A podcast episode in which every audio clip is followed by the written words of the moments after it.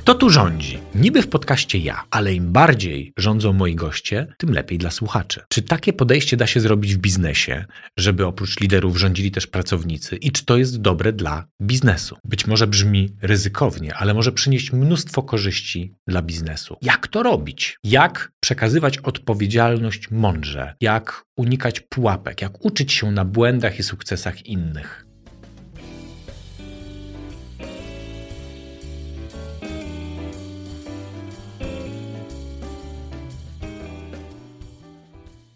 Ja nazywam się Sławek Błaszczak i 17 lat temu założyłem firmę For Results, w której pracuję wraz z zespole kilkudziesięciu pasjonatów budowania zdrowych organizacji.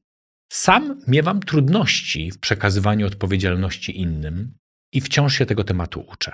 Dlatego spotykam się z osobami, które potrafią to robić, które rozumieją ten temat, jak budować empowerment w organizacjach. Postanowiłem stworzyć okazję, abyś i tym miał możliwość ich posłuchać. Zapraszam.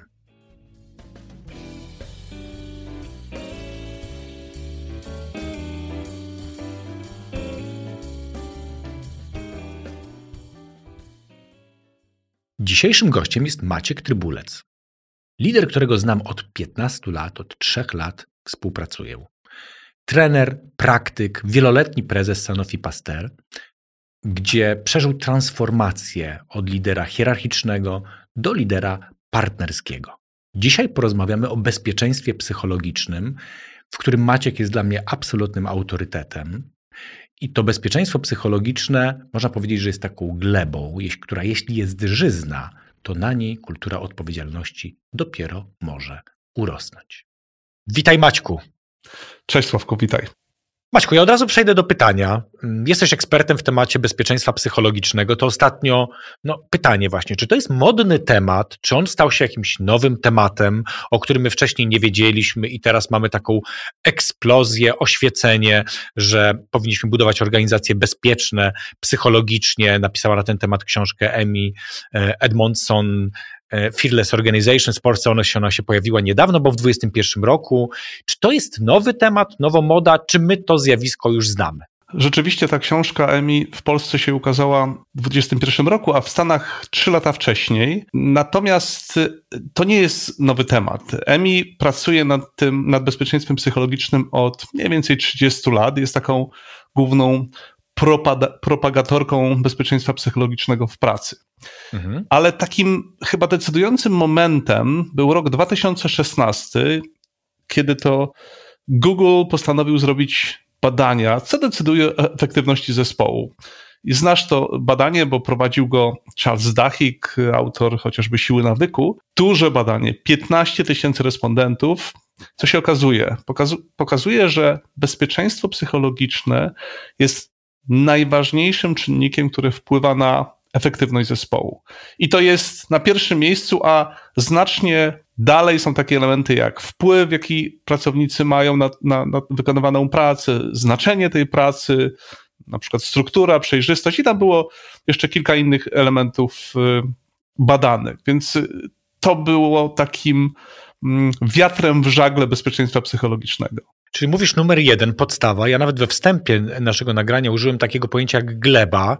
Gleba, na której może coś urosnąć. Ty podajesz przed chwilą przykład, że może urosnąć efektywność tego zespołu, a my często mówimy o tym, że może urosnąć na tym taka kultura odpowiedzialności. Jakbyś się do tego odniósł, do tej gleby, do tej metafory i dlaczego odpowiedzialność na tym może urosnąć?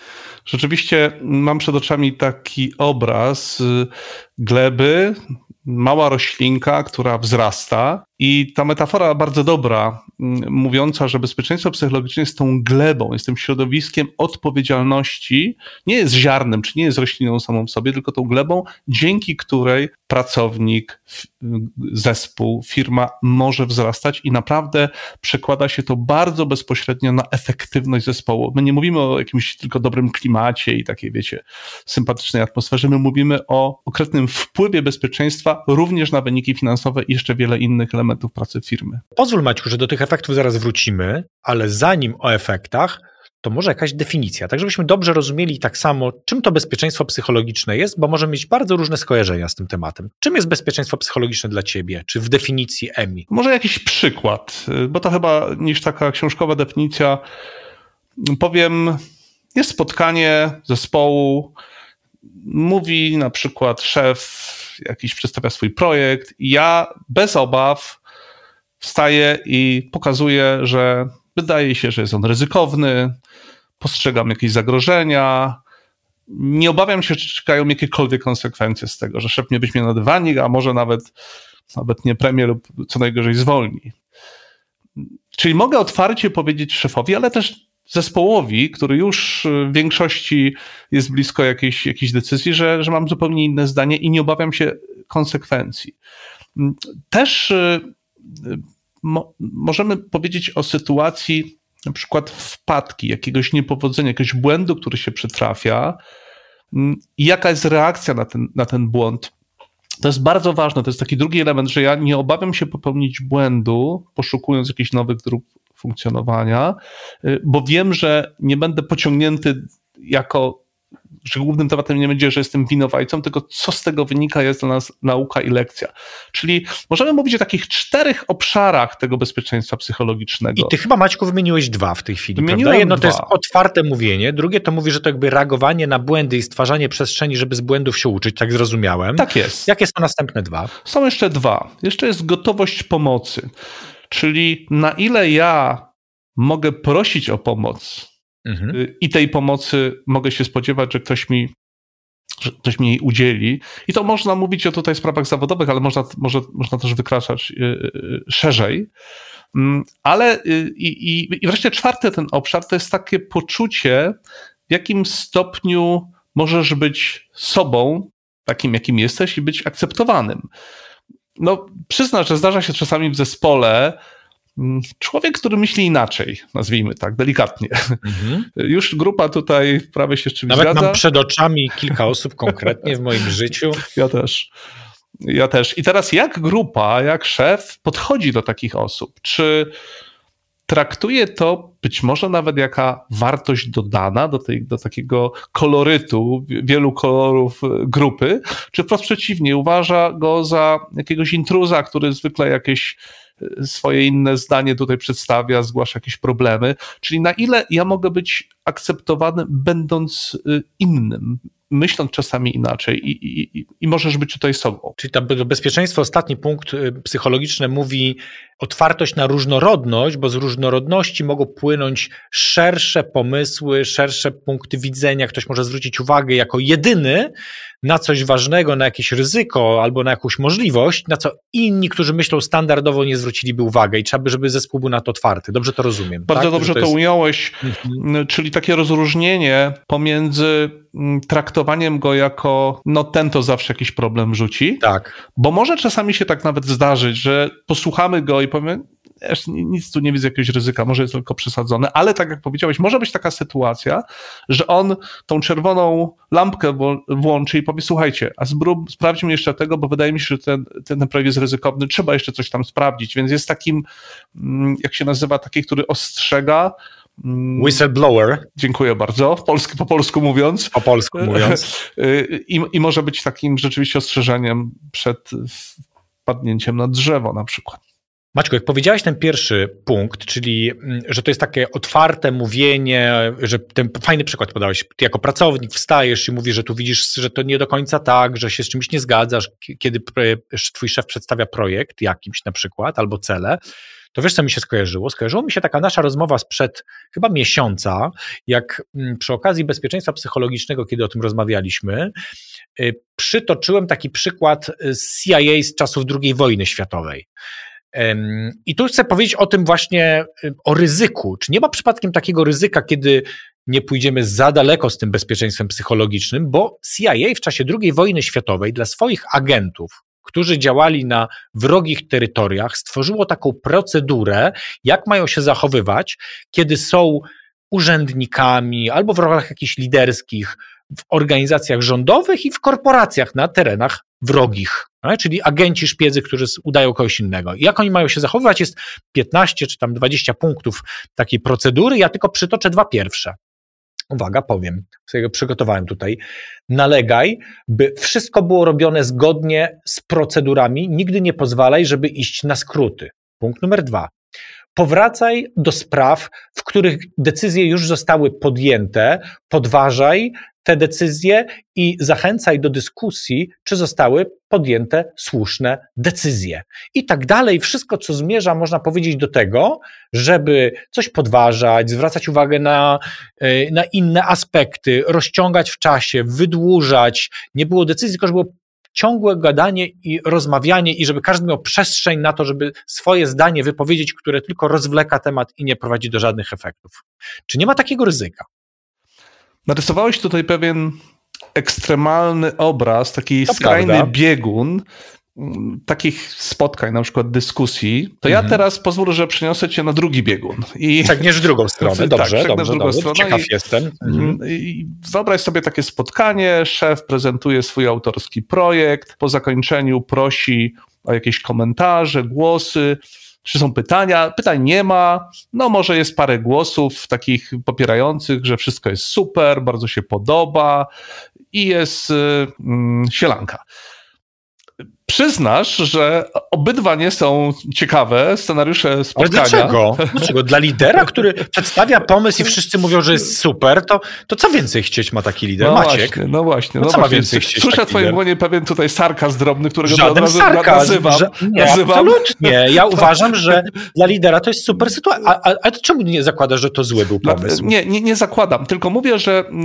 y, świat się staje y, tak bardzo złożony i tak bardzo mhm. skomplikowany. Jest tyle wyzwań, że okay. takie proste mm, prosta praca na przykład lidera i przedstawienie tego, bo zakładam taką, taką rzecz, że lider ma jakiś pomysł i przedstawia tego zespołowi, prawda? O, o, takiej sytuacji mówimy. Szef na przykład ma pomysł i przedstawia zespołowi. No to y, życie niestety nie jest aż tak proste, że wszystko jest fajnie i nie potrzeba modyfikować, nie zadać pytań, sprawdzić bezpieczeństwo i tak dalej, i tak dalej. W związku z tym mm, taka sytuacja jest też po tym drugiej stronie y, tego, tego bieguna, Mhm. Równie niebezpieczna, co, co więcej, uważam bardziej niebezpieczna niż ta, którą ty narysowałeś. Bo ta twoja sytuacja mówi mi jedno. Ten zespół ma bezpieczeństwo psychologiczne i, i może zadawać pytania, wrzucać. Oczywiście przegina tak? I żeby zapanować nad chaosem, no to tu jest rola lidera, to jest rola współpracowników, współuczestników, którzy będą mieli na pewno jakąś taką tendencję do samoregulacji, no bo, bo wiesz, no, żaden zespół tego nie wytrzyma na dłuższą metę.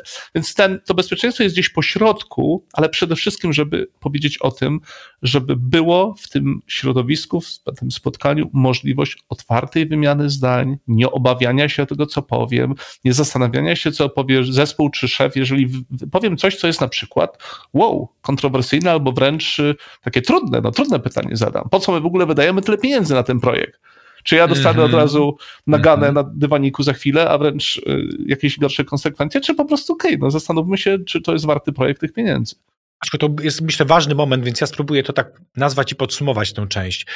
Nazwaliśmy sobie dwa bieguny, czyli tu nie chodzi o to, żeby jak lider przedstawia coś, to żeby po prostu zespół dla świętego spokoju, żeby nie było, nie ryzykować swoim zdaniem, bo mo mogę spotkać się ze złą reakcją lidera czy innych w organizacji, dla świętego spokoju kiwam głową i mówię, dobra, tam zróbmy sobie ten projekt, który tak opisałeś, co mi tam, to nie moje. Nie? I to jest brak bezpieczeństwa psychologicznego.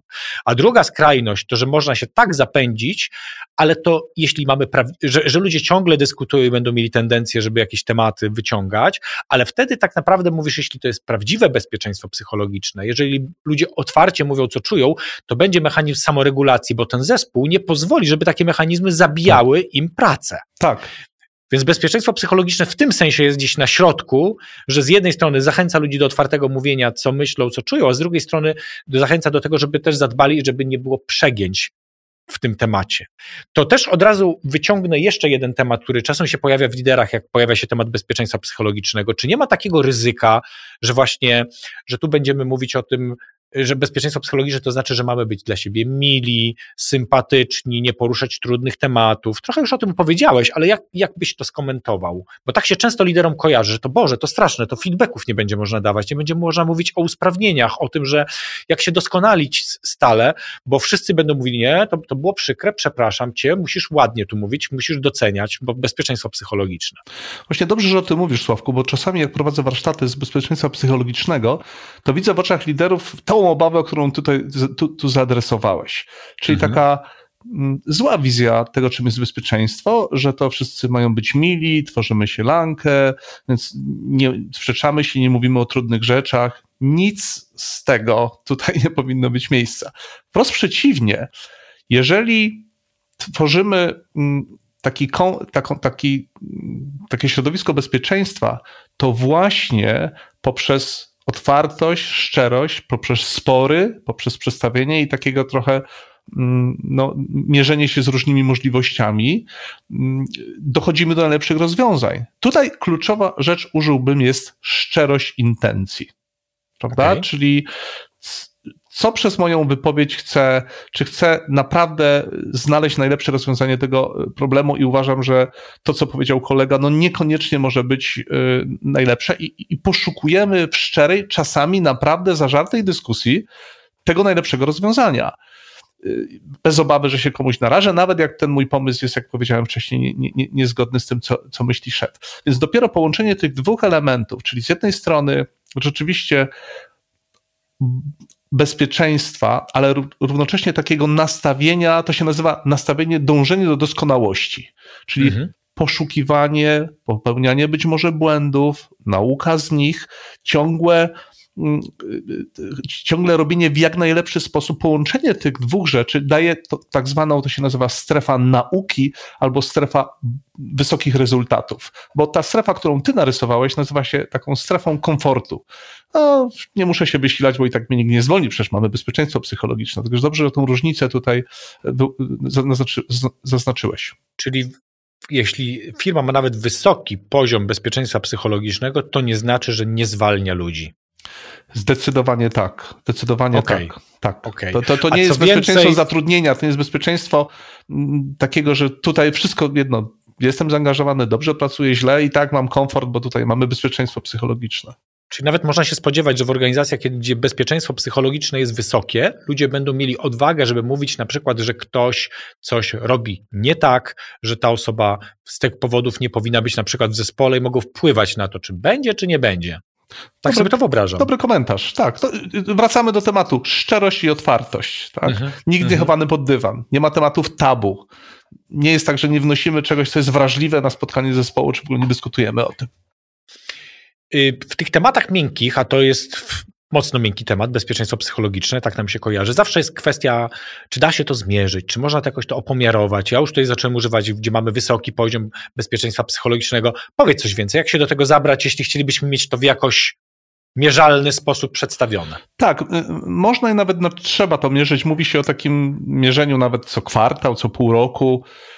I, I, takie moje, mam takie dwie sugestie. Jedna, jest taka strona organizacji Emmy Edmondson, która nazywa się fearlessorganization.com i tam mhm. jak sobie wejdziecie i piszecie swój adres mailowy, to możecie zbadać sobie poziom bezpieczeństwa psychologicznego własnego, bo to jest jednoosobowe badanie, tylko nie dla firmy, nie dla zespołu, tylko każdy może wypełnić, otrzyma taki mm, wynik, jak e, w tych czterech jak obszarach. Postrzegam, jak, jak postrzegam tak. w tych czterech obszarach tak. bezpieczeństwo w zespole, w którym działam, tak? I to jest e, pierwszy mhm. sposób. To, to, co ja robię na warsztatach, to używam tych takich siedmiu pytań, mhm. też skonstruowanych przez Emię Edmondson, które używam po prostu Mentimeter, wysyłam wysyłam link wcześniej, zwykle przed warsztatem, żeby już mieć taki, taką, taki obraz, jak, jak wygląda. Czyli mówiąc jest... krótko, są konkretne tak. pytania, tak. można to zmierzyć, jest to w książce EMI, stosujemy to na co dzień, da się to robić, jeśli ktoś chce, jest sporo inspiracji, skąd może z tego skorzystać tak i można to zmierzyć. Tak, można z książki, można Super. na stronie wziąć te pytania,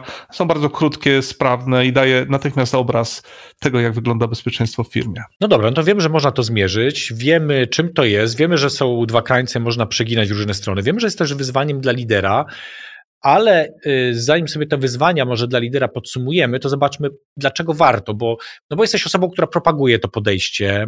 W ogóle my jako For Results całe propagujemy, bo traktujemy to jako właśnie glebę, na której kultura odpowiedzialności może wzrosnąć.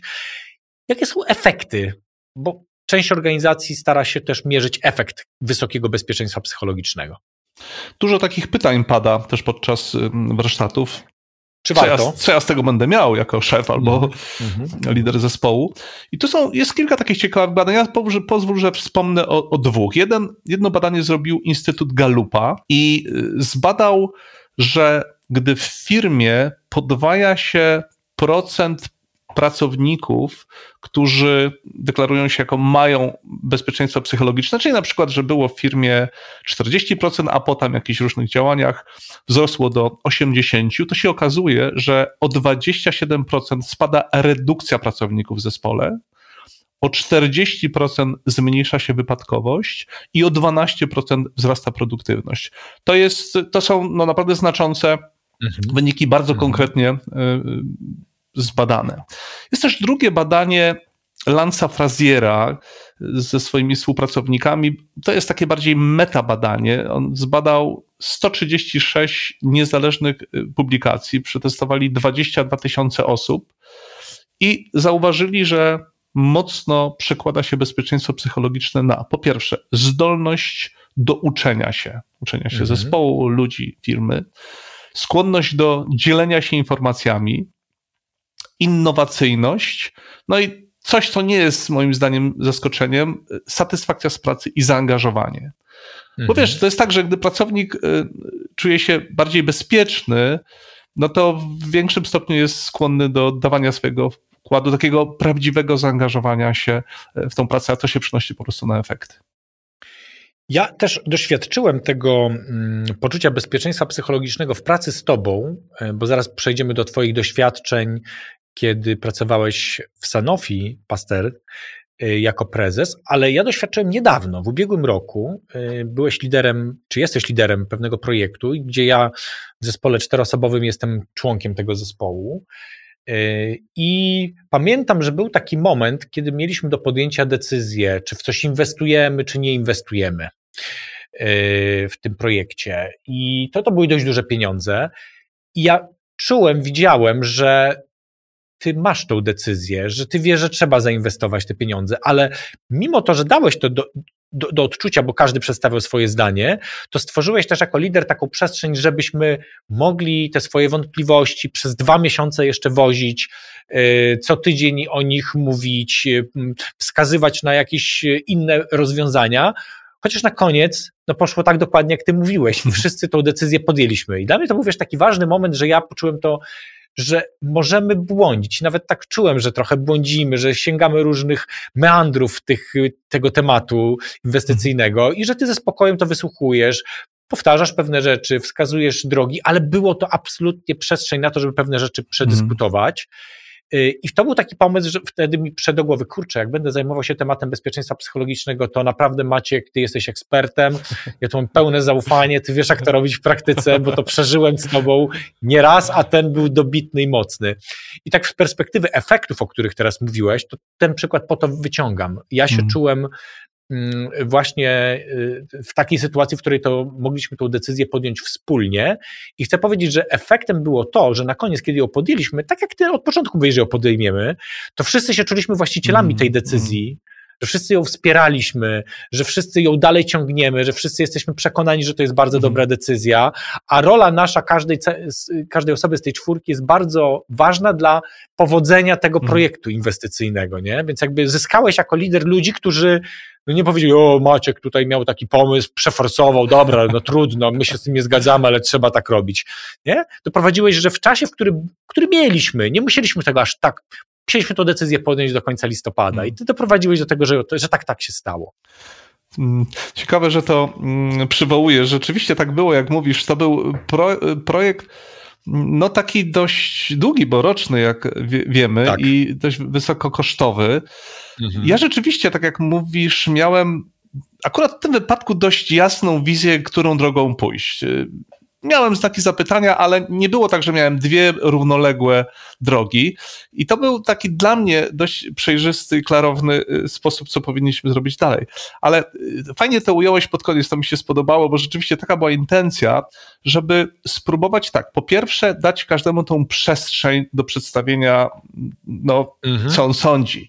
Bo tu się mogły, słuchaj, pojawić naprawdę ryzyka, które nie dostrzegałem. I, to, i zawsze, mhm. zawsze takie pytanie, czy ja czegoś tutaj nie widzę? Tam nie jest to okay. prawie, że jasne, właściwie nie ma jakiegoś dużego ryzyka, no ale wiesz, to czwórka doświadczonych menadżerów, więc, y, więc tutaj ta przestrzeń była potrzebna. I to, co powiedziałeś na końcu, no, dzięki, że tak to oceniasz, bardzo to, bardzo to doceniam, że to nie był, to nie było rozwiązanie narzucone przez lidera, mhm. ale każdy czuje się współdecydentem, współodpowiedzialnym, współ, współpodejmującą decyzję, w jakim kierunku poszliśmy i każdy jest współautorem tego.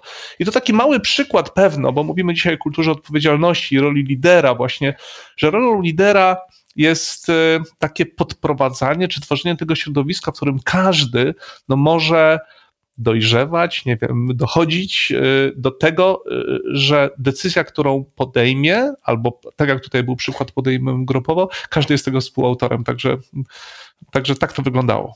No naprawdę ja byłem pełen podziwu i też miałem takie wrażenie, że jest to praca też e, z ego dla lidera, tak. bo no wiesz, czujesz, już mógłbyś to domknąć, no jest po twojemu powinno być, nie? A, a tu jest ta praca, żeby tego nie narzucić, nie stworzyć takiego poczucia wiem lepiej od was, wygłąby, prawda? Ja, jak to jest właśnie z tym ego? No to, to, ego lidera często stoi na drodze do tego, bo wiesz, to jest, jest tak, to jest ego lidera, tu jest czasami presja czasu, tutaj, że mam tak. tyle rzeczy na głowie. Nie będę tutaj dawał przestrzeni, bo ja chcę podjąć decyzję, ja wiem, że jest dobra. Więc tu jest takich wiele elementów, ale widzisz, no, w tych ważnych projektach, tych krytycznych projektach, taka cierpliwość trochę, taka ciekawość chyba bym do, dodał. Mhm. Zadawanie pytań, dawanie tej przestrzeni, no naprawdę może nas uchronić. Wiesz, no świat jest coraz bardziej zmienny i nieprzewidywalny, tak, tak kompletnie złożony, że tutaj najbardziej bystre jednostki no, mogą mieć poważny kłopot z takim podejmowaniem najlepszej decyzji. Wtedy, wiesz, tutaj danie tej przestrzeni, sparring partnership, y, y, sprawdzenie, ciekawość, czy czegoś nie zapomnieliśmy, no może nam zabezpieczyć y, jakieś, jakieś poważne ryzyko, wpadki. I, i tak, ta cierpliwość chyba po prostu się opłaca czasem w takich sytuacjach. Ale z drugiej strony to, co mówisz, pokazuje wyzwanie dla liderów, którzy chcą stworzyć bezpieczeństwo psychologiczne, że to jest praca z własną samoświadomością, z własnym ego, z czystością własnych intencji, z takim pracą trochę z lękami też, y, bo czas, bo presja. Tak. A, a tu trzeba stworzyć takie warunki, w których ludzie dojrzewają, a też moje ego czasem ucierpi, bo decyzja jest podjęta zupełnie inna niż moje przekonania, a mm. mogę się wzbogacić, e, bo jak będę ciekawy, to się dowiem wielu rzeczy, które wydawało mi się, że już na ich temat wszystko wiem, a wcale niekoniecznie, bo ludzie bliżej informacji wiedzą dużo więcej, nie? Więc to ciekawa przygoda przed liderami, którzy się na to odważą. tak.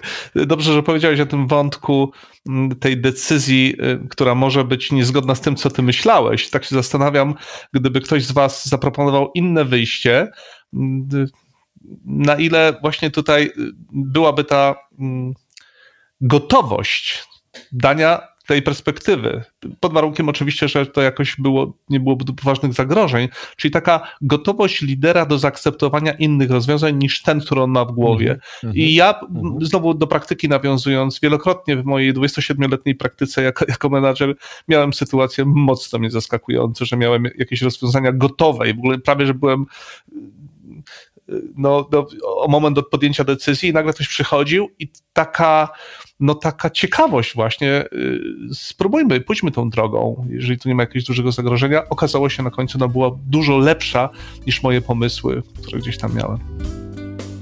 Kultura biorę odpowiedzialność to jedna z głównych specjalizacji firmy For Results. Propagujemy to podejście, wdrażamy projekty u naszych klientów. Jeśli jesteście zainteresowani zgłębieniem wiedzy na ten temat, zapraszam na naszą podstronę www.forresults.pl ukośnik bio. Tam znajdziecie dużo materiałów o samym podejściu, informacji, jak wdrażać to w organizacjach, darmowe webinary i podcasty. Serdecznie zapraszam www.forresults.pl ukośnik bio. To jest moment, że chciałbym, żebyśmy sięgnęli do Twoich bogatych doświadczeń 27 lat jako prezesa dużej organizacji, e, korporacji międzynarodowej z korzeniami francuskimi, gdzie to niekoniecznie tak, jak się to wszystko wymawia jednym ciągiem, to wydaje się, że bezpieczeństwo psychologiczne nie jest naturalną rzeczą, żeby takie mhm. środowisko stworzyć. Kultura odpowiedzialności, którą stworzyłeś, też nie jest czymś oczywistym i wymagała wielu lat pracy. Ja chciałbym Cię trochę poprosić Maciek, żebyś się podzielił takimi i dobrymi praktykami, ale też i wpadkami, bo pewnie jakieś były na koncie, a uczymy się e, i na dobrych przykładach, ale też i na nie najlepszych, y, czasem nawet więcej. Więc y, podziel się takimi doświadczeniami. Bezpieczeństwa psychologiczne, jak sobie myślisz o tym temacie, w kontekście Sanofi, gdzie byłeś prezesem przez wiele lat, jakie były historie, kiedy budowałeś to bezpieczeństwo psychologiczne? Ja wtedy działałem bardziej chyba intuicyjnie niż y, naz mhm. nazywałem to takim działaniem świadomym w obszarze bezpieczeństwa psychologicznego, ale przypominam sobie jakieś takie wydarzenie. No, powołam się na taki jeden konkretny przykład. To jest coś, co bym nazwał taką rzeczywistą transparentnością, z czym przychodzimy na przykład na spotkanie biznesowe. Mieliśmy takie cotygodniowe spotkania managementu na początku tygodnia i zaproponowałem, żeby te spotkania zaczynały się od takiej rundki. No, często jest taka rundka, ale wiecie, ona jest taka bardzo powierzchowna, jak się masz, ok, dobrze, fajnie. Ta rundka była nieco bardziej pogłębiona, czyli takie pytanie, każdy miał tam minutę, dwie czy więcej, jak potrzebował. Jaką mam energię dzisiaj do pracy, z czym przychodzę, z takim nastawieniem, psychofizycznym bym je nazwał. E, czy, czy, jest fajnie? Czy być może dziecko płakało wiele godzin nocy, prawie nie spałem, nie spałam? E, mhm. Czy może coś mi tak po ludzku po prostu dolega? I to nie chodziło o takie nastawienie tylko czysto zawodowe, ale właśnie takie bardziej wejście e, w głąb, taka, żeby nie zakładać maski. Tu się pojawiały często pytanie, czy nie potrzebujesz pomocy, a może może słuchaj, po tym spotkaniu, które się kończyło o 12, potrzebujesz do domu, nie wyspać się albo zadbać o siebie. E, taka po prostu ludzka otwartość. I na początku te pytania dla mnie też były takie, wiesz, nieoczywiste. No, co tu mieszać życie zawodowe z, z, z prywatnością, jakąś moją, nie, nie, przynosimy tutaj e, emocji do pracy, czy tam jakichś moich, moich problemów. Ale, Ale to był twój pomysł, Maciek, to był twój pomysł, Ja tak? ci powiem, ja się, ja się wzorowałem na Fryderyku Lalu i on to okay. w swojej książce zaproponował, różne rzeczy proponował, ale między innymi to, to od niego y, zaczerpnąłem I, y, mhm. i po pewnym czasie, po nie wiem, może dwóch, może trzech spotkaniach, słuchaj, Sławku, weszło to w taką tradycję, że bez tego się nie rozpoczynało spotkanie biznesowe. I, i miałeś taki, taki obraz y, no też nie tylko pracownika, ale człowieka, z czym on dzisiaj przychodzi i być może potrzebuje pomocy, a propos pomocy, y, mhm. być może potrzebuje zadbać o siebie albo o jakieś y, sprawy nie, niekoniecznie zawsze zawodowe. I to też buduje taką relację, buduje ten klimat zaufania, buduje klimat gotowości pomocy, czy czasem po prostu poproszenia o, o, o ten pomoc. Druga taka. Tak, tak... A, a, a, skomentuję krótko jeszcze ten twój pierwszy przykład, bo mi się on bardzo podoba. Jest taki też nieoczywisty, znowu kontrowersyjny, bo niektórzy mówią, no właśnie to, co powiedziałeś, ale powinniśmy się skupić na robocie, a nie na jakimś tutaj rozmiękczaniu naszej rzeczywistości, bo w końcu jesteśmy od tego, żeby doprowadzać do wyników. I powiem ci, że dokładnie z takim komentarzem spotkałem się przed tygodniem w innej firmie farmaceutycznej, która przechodzi proces team coachingowy, budowania właśnie takiej kultury który został przerwany, no bo oni jakby powiedzieli po kilku sesjach, ale wiecie co, my tu przychodzimy, żeby się zająć robotą, wynikami, nie chcemy takich rundek na początku, bo one nikomu, niczemu nie służą, nic nie dodają żadnej wartości, my tu przychodzimy jako osoby biznesowe, a nie osoby prywatne, żebyśmy się tu dzielili swoimi kłopotami. Nie? I to pokazało, że to nie jest cel dla tej firmy, żeby taką kulturę wprowadzić. I też pokazało, że to, co ty mówisz, nie jest wcale oczywiste, żeby firmy były na to gotowe.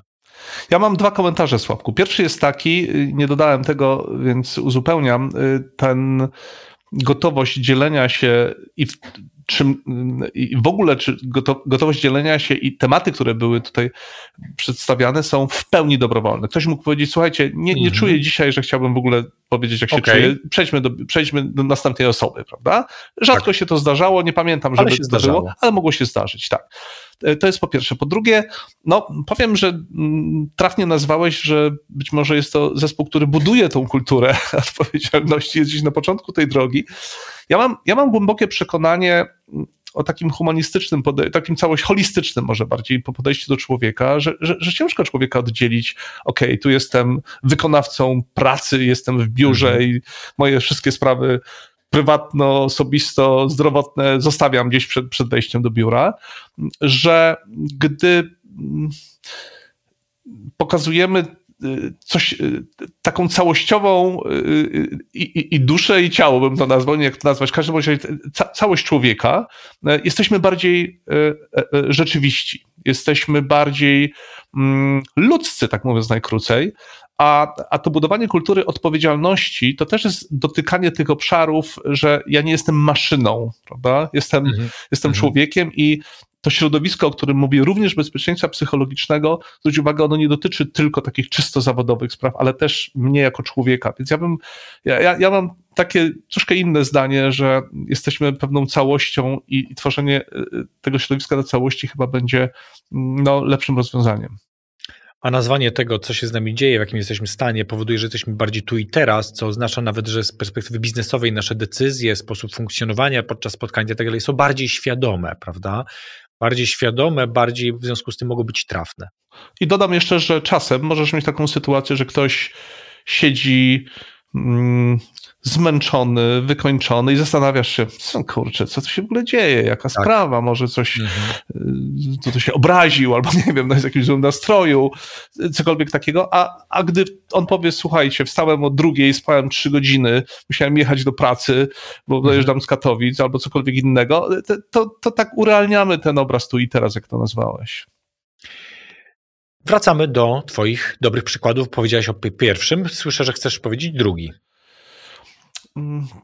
to, to, właściwie chyba było, był i dobry, i zły, chyba. To, to okay. tak połączyłbym. Mianowicie, już mówiliśmy na początku naszej rozmowy te takiej podejścia do ludzi, którzy inaczej widzą rzeczywistość. I y, wyobraź sobie takie spotkanie biznesowe, właśnie, że tu grupa trudny problem rozwiązuje, już jest prawie w ogródku, już e, blisko e, takich ciekawych rozwiązań. Nagle pojawia się, no nazwijmy go e, symbolicznie Krzysztof, który szczerze mówiąc mam w, głowie, w głowie jeszcze Krzysztofa, on inaczej miał na imię, żeby nie ujawniać żadnych tutaj personaliów, zawsze albo zwykle miał właśnie odmienne zdanie. I mm, widział ryzyko, mówi, że to jest zły pomysł. Swoich specjalnie za dużo nie miał, czasami wrzucał, ale generalnie był takim osobą takim właśnie... Maczku, może on był CIA, tylko został po wojnie dłużej trochę na tych terenach. Wiesz, biorąc pod uwagę jego wiek, to nie, nie, jestem pewny, ale może był na przykład synem jakiegoś oficera CIA. Rozumiem. E, I ja początkowo, przyznam ci się Sławku, podchodziłem do tego nerwowo. Mhm. Ja już czekałem, jak Krzysztof wstanie i zacznie coś mówić, we mnie po prostu uruchamiały się jakieś takie pokłady niecierpliwości i chciałem, żeby już po prostu się zamknął, albo żeby już przestał y, rozdzierać tutaj włos na, na, na czworo. I, I to było oczywiście bardzo złe. To, to, to nie ma wątpliwości, że nie prowadziło do niczego. Raczej mnie to irytowało i, i na pewno w moim języku ciała i werbalnie dawałem pe pełne oznaki. I, i, I z czasem, oczywiście z latami, ja, ja zrobiłem jeden taki ruch tylko, że postanowiłem zaciekawić się taką, taką sytuacją. Krzysztof, Krzysztof, powiedz mi coś więcej. Y, może jest coś takiego rzeczywiście, czego my nie widzimy, albo na podstawie czego te swoje przesłanki tutaj y, zgłaszasz, albo y, co spowodowało, że myślisz, wiesz, takie, takie czyste zainteresowanie. I na końcu dnia to jest, to jest kilka pytań, to jest może pięć minut dłuższego czasu, zachęcenie innych do zadania pytań.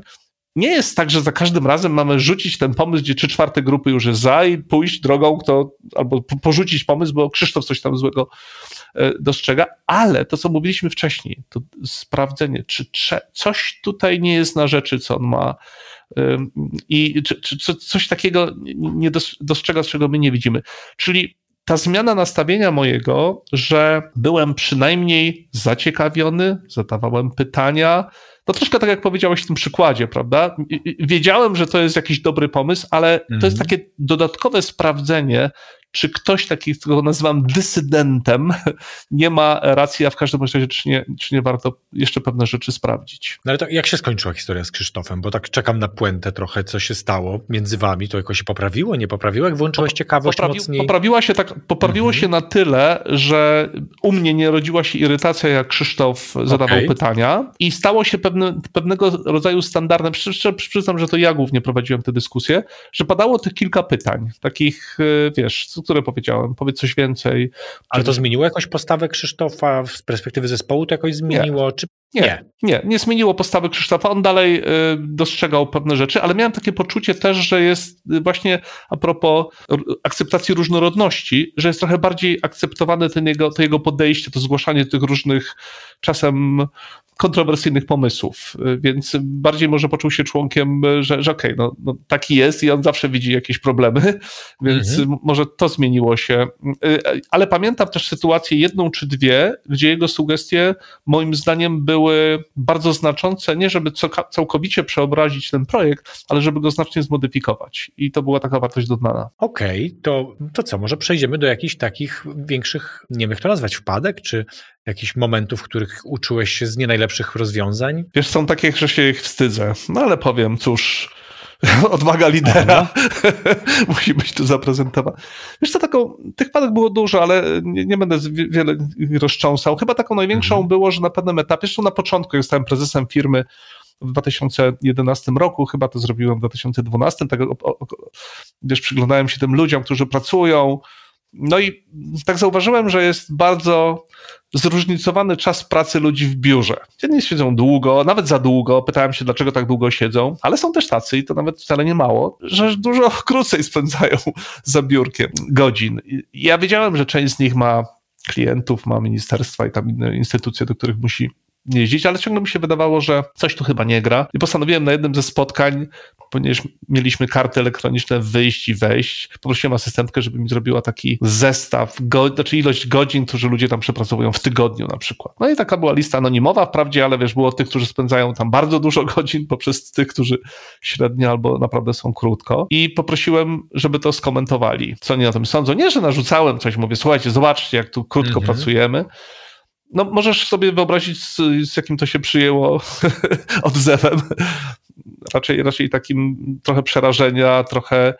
Najgorszy chyba błąd to było to, że ja starałem się tutaj pokazać, że ja buduję tutaj współpracę na kontroli bardziej niż na zaufaniu, że chociaż przecież firma -hmm. dobrze się miała, myśmy mieli dobre rezultaty, więc nie było powodu, żeby tak wchodzić i sprawdzić, okay, co tu nie gra, dlaczego tu nie gra, bo być może ludzie niewystarczająco się angażują.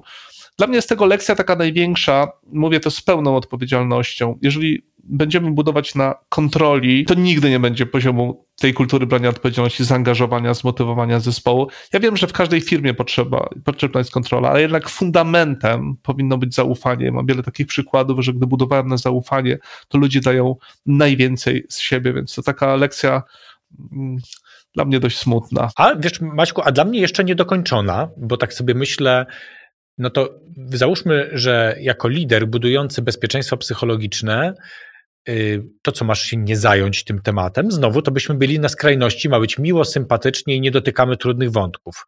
Więc trzeba się jakoś jako lider chyba jednak zająć tym tematem. No i pytanie, jak, żeby to nie niszczyło bezpieczeństwa psychologicznego, bo tak sobie myślę, że dla części ludzi, to wracam do wątku samoregulacji w zespole, jakie jest bezpieczeństwo, ale nie wiem, czy takie tu nastąpiło. Dla części ludzi to może być sytuacja trochę nie fair.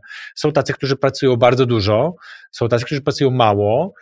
No i to, to od strony bezpieczeństwa psychologicznego zakładam, że jakby było bezpiecznie, to by ludzie otwarcie o tym mogli mówić i doszłoby do tej samoregulacji. Ale jak jakby byś radził, bo myślę, że nie jeden lider może mieć taką sytuację w tej chwili, że no, są tacy, którzy wychodzą wcześniej, są tacy, którzy wychodzą dużo, dużo później, jak tu zachowując bezpieczeństwo psychologiczne jednak jakoś wpłynąć jako lider na tę sytuację? Moja rada byłaby taka, aby oceniać rezultaty pracy ludzi nie po sposobie, jakim dochodzą, tylko po tych finalnych e, wynikach, po rezultatach. Przy, przyznasz, że, że można spędzić 16 godzin w biurze i połowę tak. z tego e, zajmować się rzeczami pozazawodowymi, więc zły miernik kompletnie przyjąłem. Czyli nie zajmować się kontrolą czasu, a rozmawiać o efektach. D dokładnie tak. Ja, ja, ja dam ci taki przykład też znowu bardzo praktyczny że w tym środowisku bezpieczeństwa psychologicznego pewne procesy mogą się toczyć troszeczkę wolniej, to znaczy myślę o wyłapywaniu tych, którzy to bezpieczeństwo nadużywają. I miałem jeden taki przypadek osoby, która no co tu dużo mówić, nadużyła tego środowiska. Mm -hmm. I mm -hmm. w takiej sytuacji, kiedy kontrola byłaby na miejscu priorytetem, to, to pewno to by wyszło no, szybciej trochę, prawda? Mi mm -hmm. zajęło to powiedzmy kilka miesięcy, kiedy zauważyłem, że pomimo wielu godzin w pracy i takiego, wiesz, pięknego opisu tego, co robi, ta osoba nie robiła, a była na dość fundamentalnej y, y, pozycji i te efekty końcowe były dramatycznie mhm. złe. No i oczywiście mhm. to nie jest tak, że, że w bezpieczeństwie psychologicznym nie ma kontroli, oceniajmy po rezultatach, jak oni dochodzą, czy pracują w domu, czy pracują w biurze, czy pracują w pociągu, nie wiem gdzie. Ważne są te, te efekty, a nie to, jaką drogą do tego dochodzą. I, i to, to, dla mnie jest taka lekcja, że ja kompletnie nie przyłożyłem miernika do tego, y, tego KPI, który powinien po prostu być. Super, dzięki, dzięki. Fajnie to i prosto wytłumaczyłeś, także bardzo dziękuję. A drugi przykład, bo chyba jeszcze jeden miałeś taki. Drugi przykład to trochę już wcześniej powiedziałem okay. o, tym, o tym sposobie podchodzenia do dysydentów, ja to nazywam. Czyli mm -hmm. ta, ta moja irytacja, która wynikała z tego, że ktoś inaczej myślał, brak cierpliwości, takie poczucie, nie, no tracimy czas i znowu tak jak w CIA te spotkania będą przedłużane. I tak jak powiedziałem, to był ten i dobry i, i zła strona, ale też potem dobra po tej transformacji, kiedy no, takie zaciekawe zainteresowanie, myślę, że to bardzo dużo daje grupie i też takim poczuciu właśnie wspólnoty, że ta osoba inna wnosi jakiś koloryt i on czasami może mieć wartość dodaną, a nie tylko jakąś e, frustrację.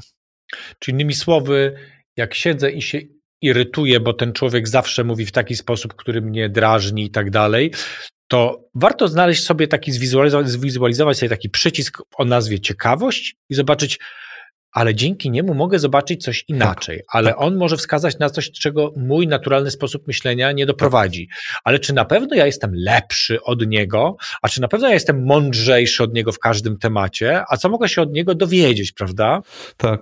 Czy jest bliżej informacji? Pewnych wątkach, nie? Pewnych I... wątkach, czy, tak.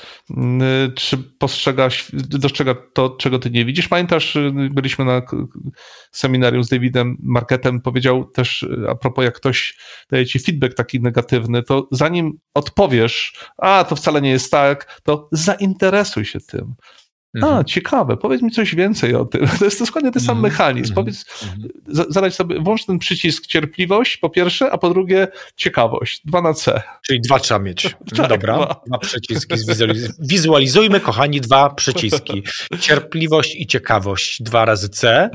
A na koniec y, dotknęliśmy trochę już tego wątku, gdzieś się zaczął pojawiać, bo spróbujmy przenieść ten temat bezpieczeństwa psychologicznego na rodzinę a dotknęliśmy go, kiedy mówisz, że człowiek jest całością, jest mhm. holistyczny. Więc przenieśmy go też na rodzinę.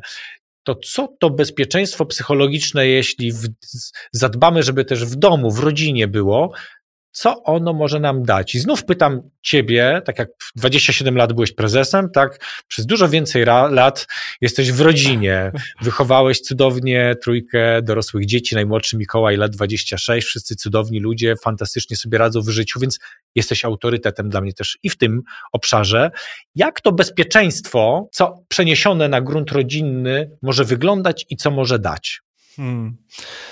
To ciekawe pytanie i dzięki, bo to jest takie holistyczne właśnie, że to bezpieczeństwo możemy rozszerzyć na domową, e, domowe pilesze tutaj.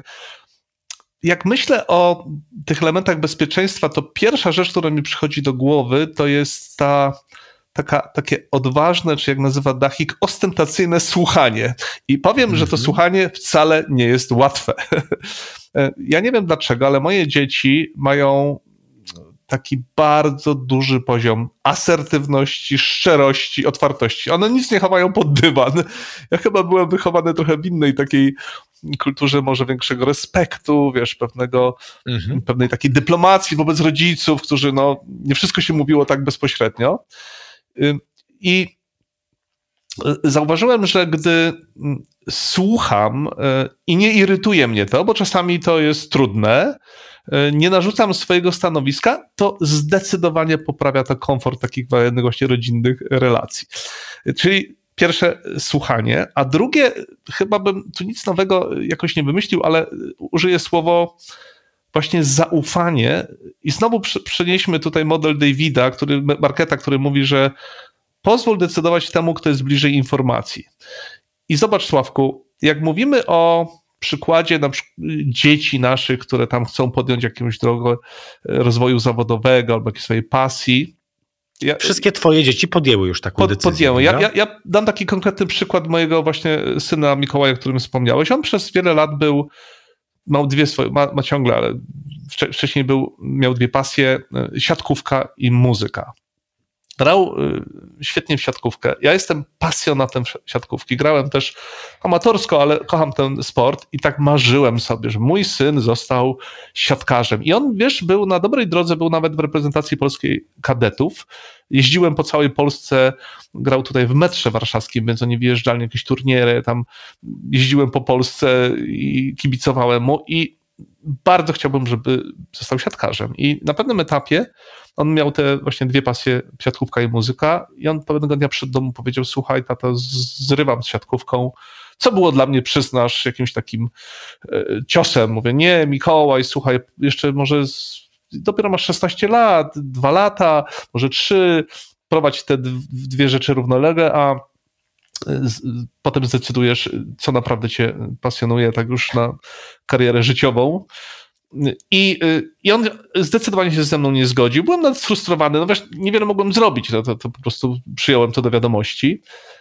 Ale teraz z perspektywy tych już to tego czasu wielu lat, dziesięciu chyba lat, uważam, że to był świetny pomysł. Wiesz, Mikołaj y, jest człowiekiem, y, który się kapitalnie realizuje w muzyce y, i, i, i zobacz, no, miał zdecydowanie lepszą wizję tego, był bliżej informacji, widział, jak, co, co go kręci, więc tutaj takie zaufanie, czyli tak, słuchanie, zaufanie, że dzieci mogą wiedzieć w wielu obszarach znacznie lepiej, że za nasze wizje, wiesz, tych zawodów, które kiedyś tam były takie standardowe i może powinieneś zostać tym, czy prawnikiem, prawnikiem lekarzem. lekarzem, tak, nie wiem jeszcze, jeszcze, jeszcze kim, że, że jesteśmy no, tak troszkę e, takie podejście dinozaurów możemy mieć, więc tutaj to zaufanie... I możemy wręcz dzieciom zrobić krzywdę, jak będziemy w te nasze tory próbowali w ich świat i ich razem z, tych, z tym właśnie światem próbować włożyć, bo to może w ogóle nie przystawać, możemy im krzywdę zrobić, tak? Że oni mogą lepiej czuć, jakie mają talenty, które w dzisiejszym świecie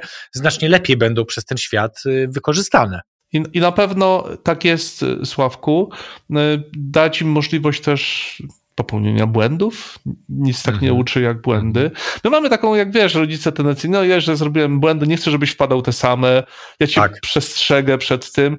No, no, to są dobre intencje, ale um, efekty marne na końcu, więc gdybym miał tak podsumować w tych relacjach, tak jak powiedziałem, cierpliwość i takie głębokie słuchanie, to na pewno zaufanie no i dawanie znowu tej przestrzeni do popełnienia błędów i zawsze bycia do tego, żeby być pomocnym. Ja wczoraj dokładnie, moja córka zadzwoniła, zrobiła mi wielką przyjemność o 20, bo zmienia pracę i przygotowuję się do tego interwiu i spędziliśmy godzinę, gdzie ja ją tak w typ, takim typowym coachingowo-mentoringowym duchu y, pomogłem jej przygotować się do tego, do tego interwiu i pomyślałem sobie, że, że, że, właśnie o to chodzi. Jestem do twojej dyspozycji, ale nie narzucam, nie, nie, bo, bo, czasem no to, to jest twoje życie, jesteś bliżej informacji, jest to zdecydowanie bardziej bezpieczne środowisko psychologiczne.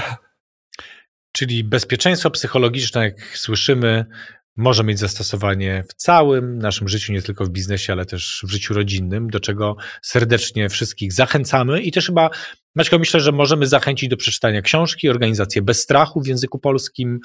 E, możemy zachęcić do tych stron, o których wspomniałeś, Ami Admondson.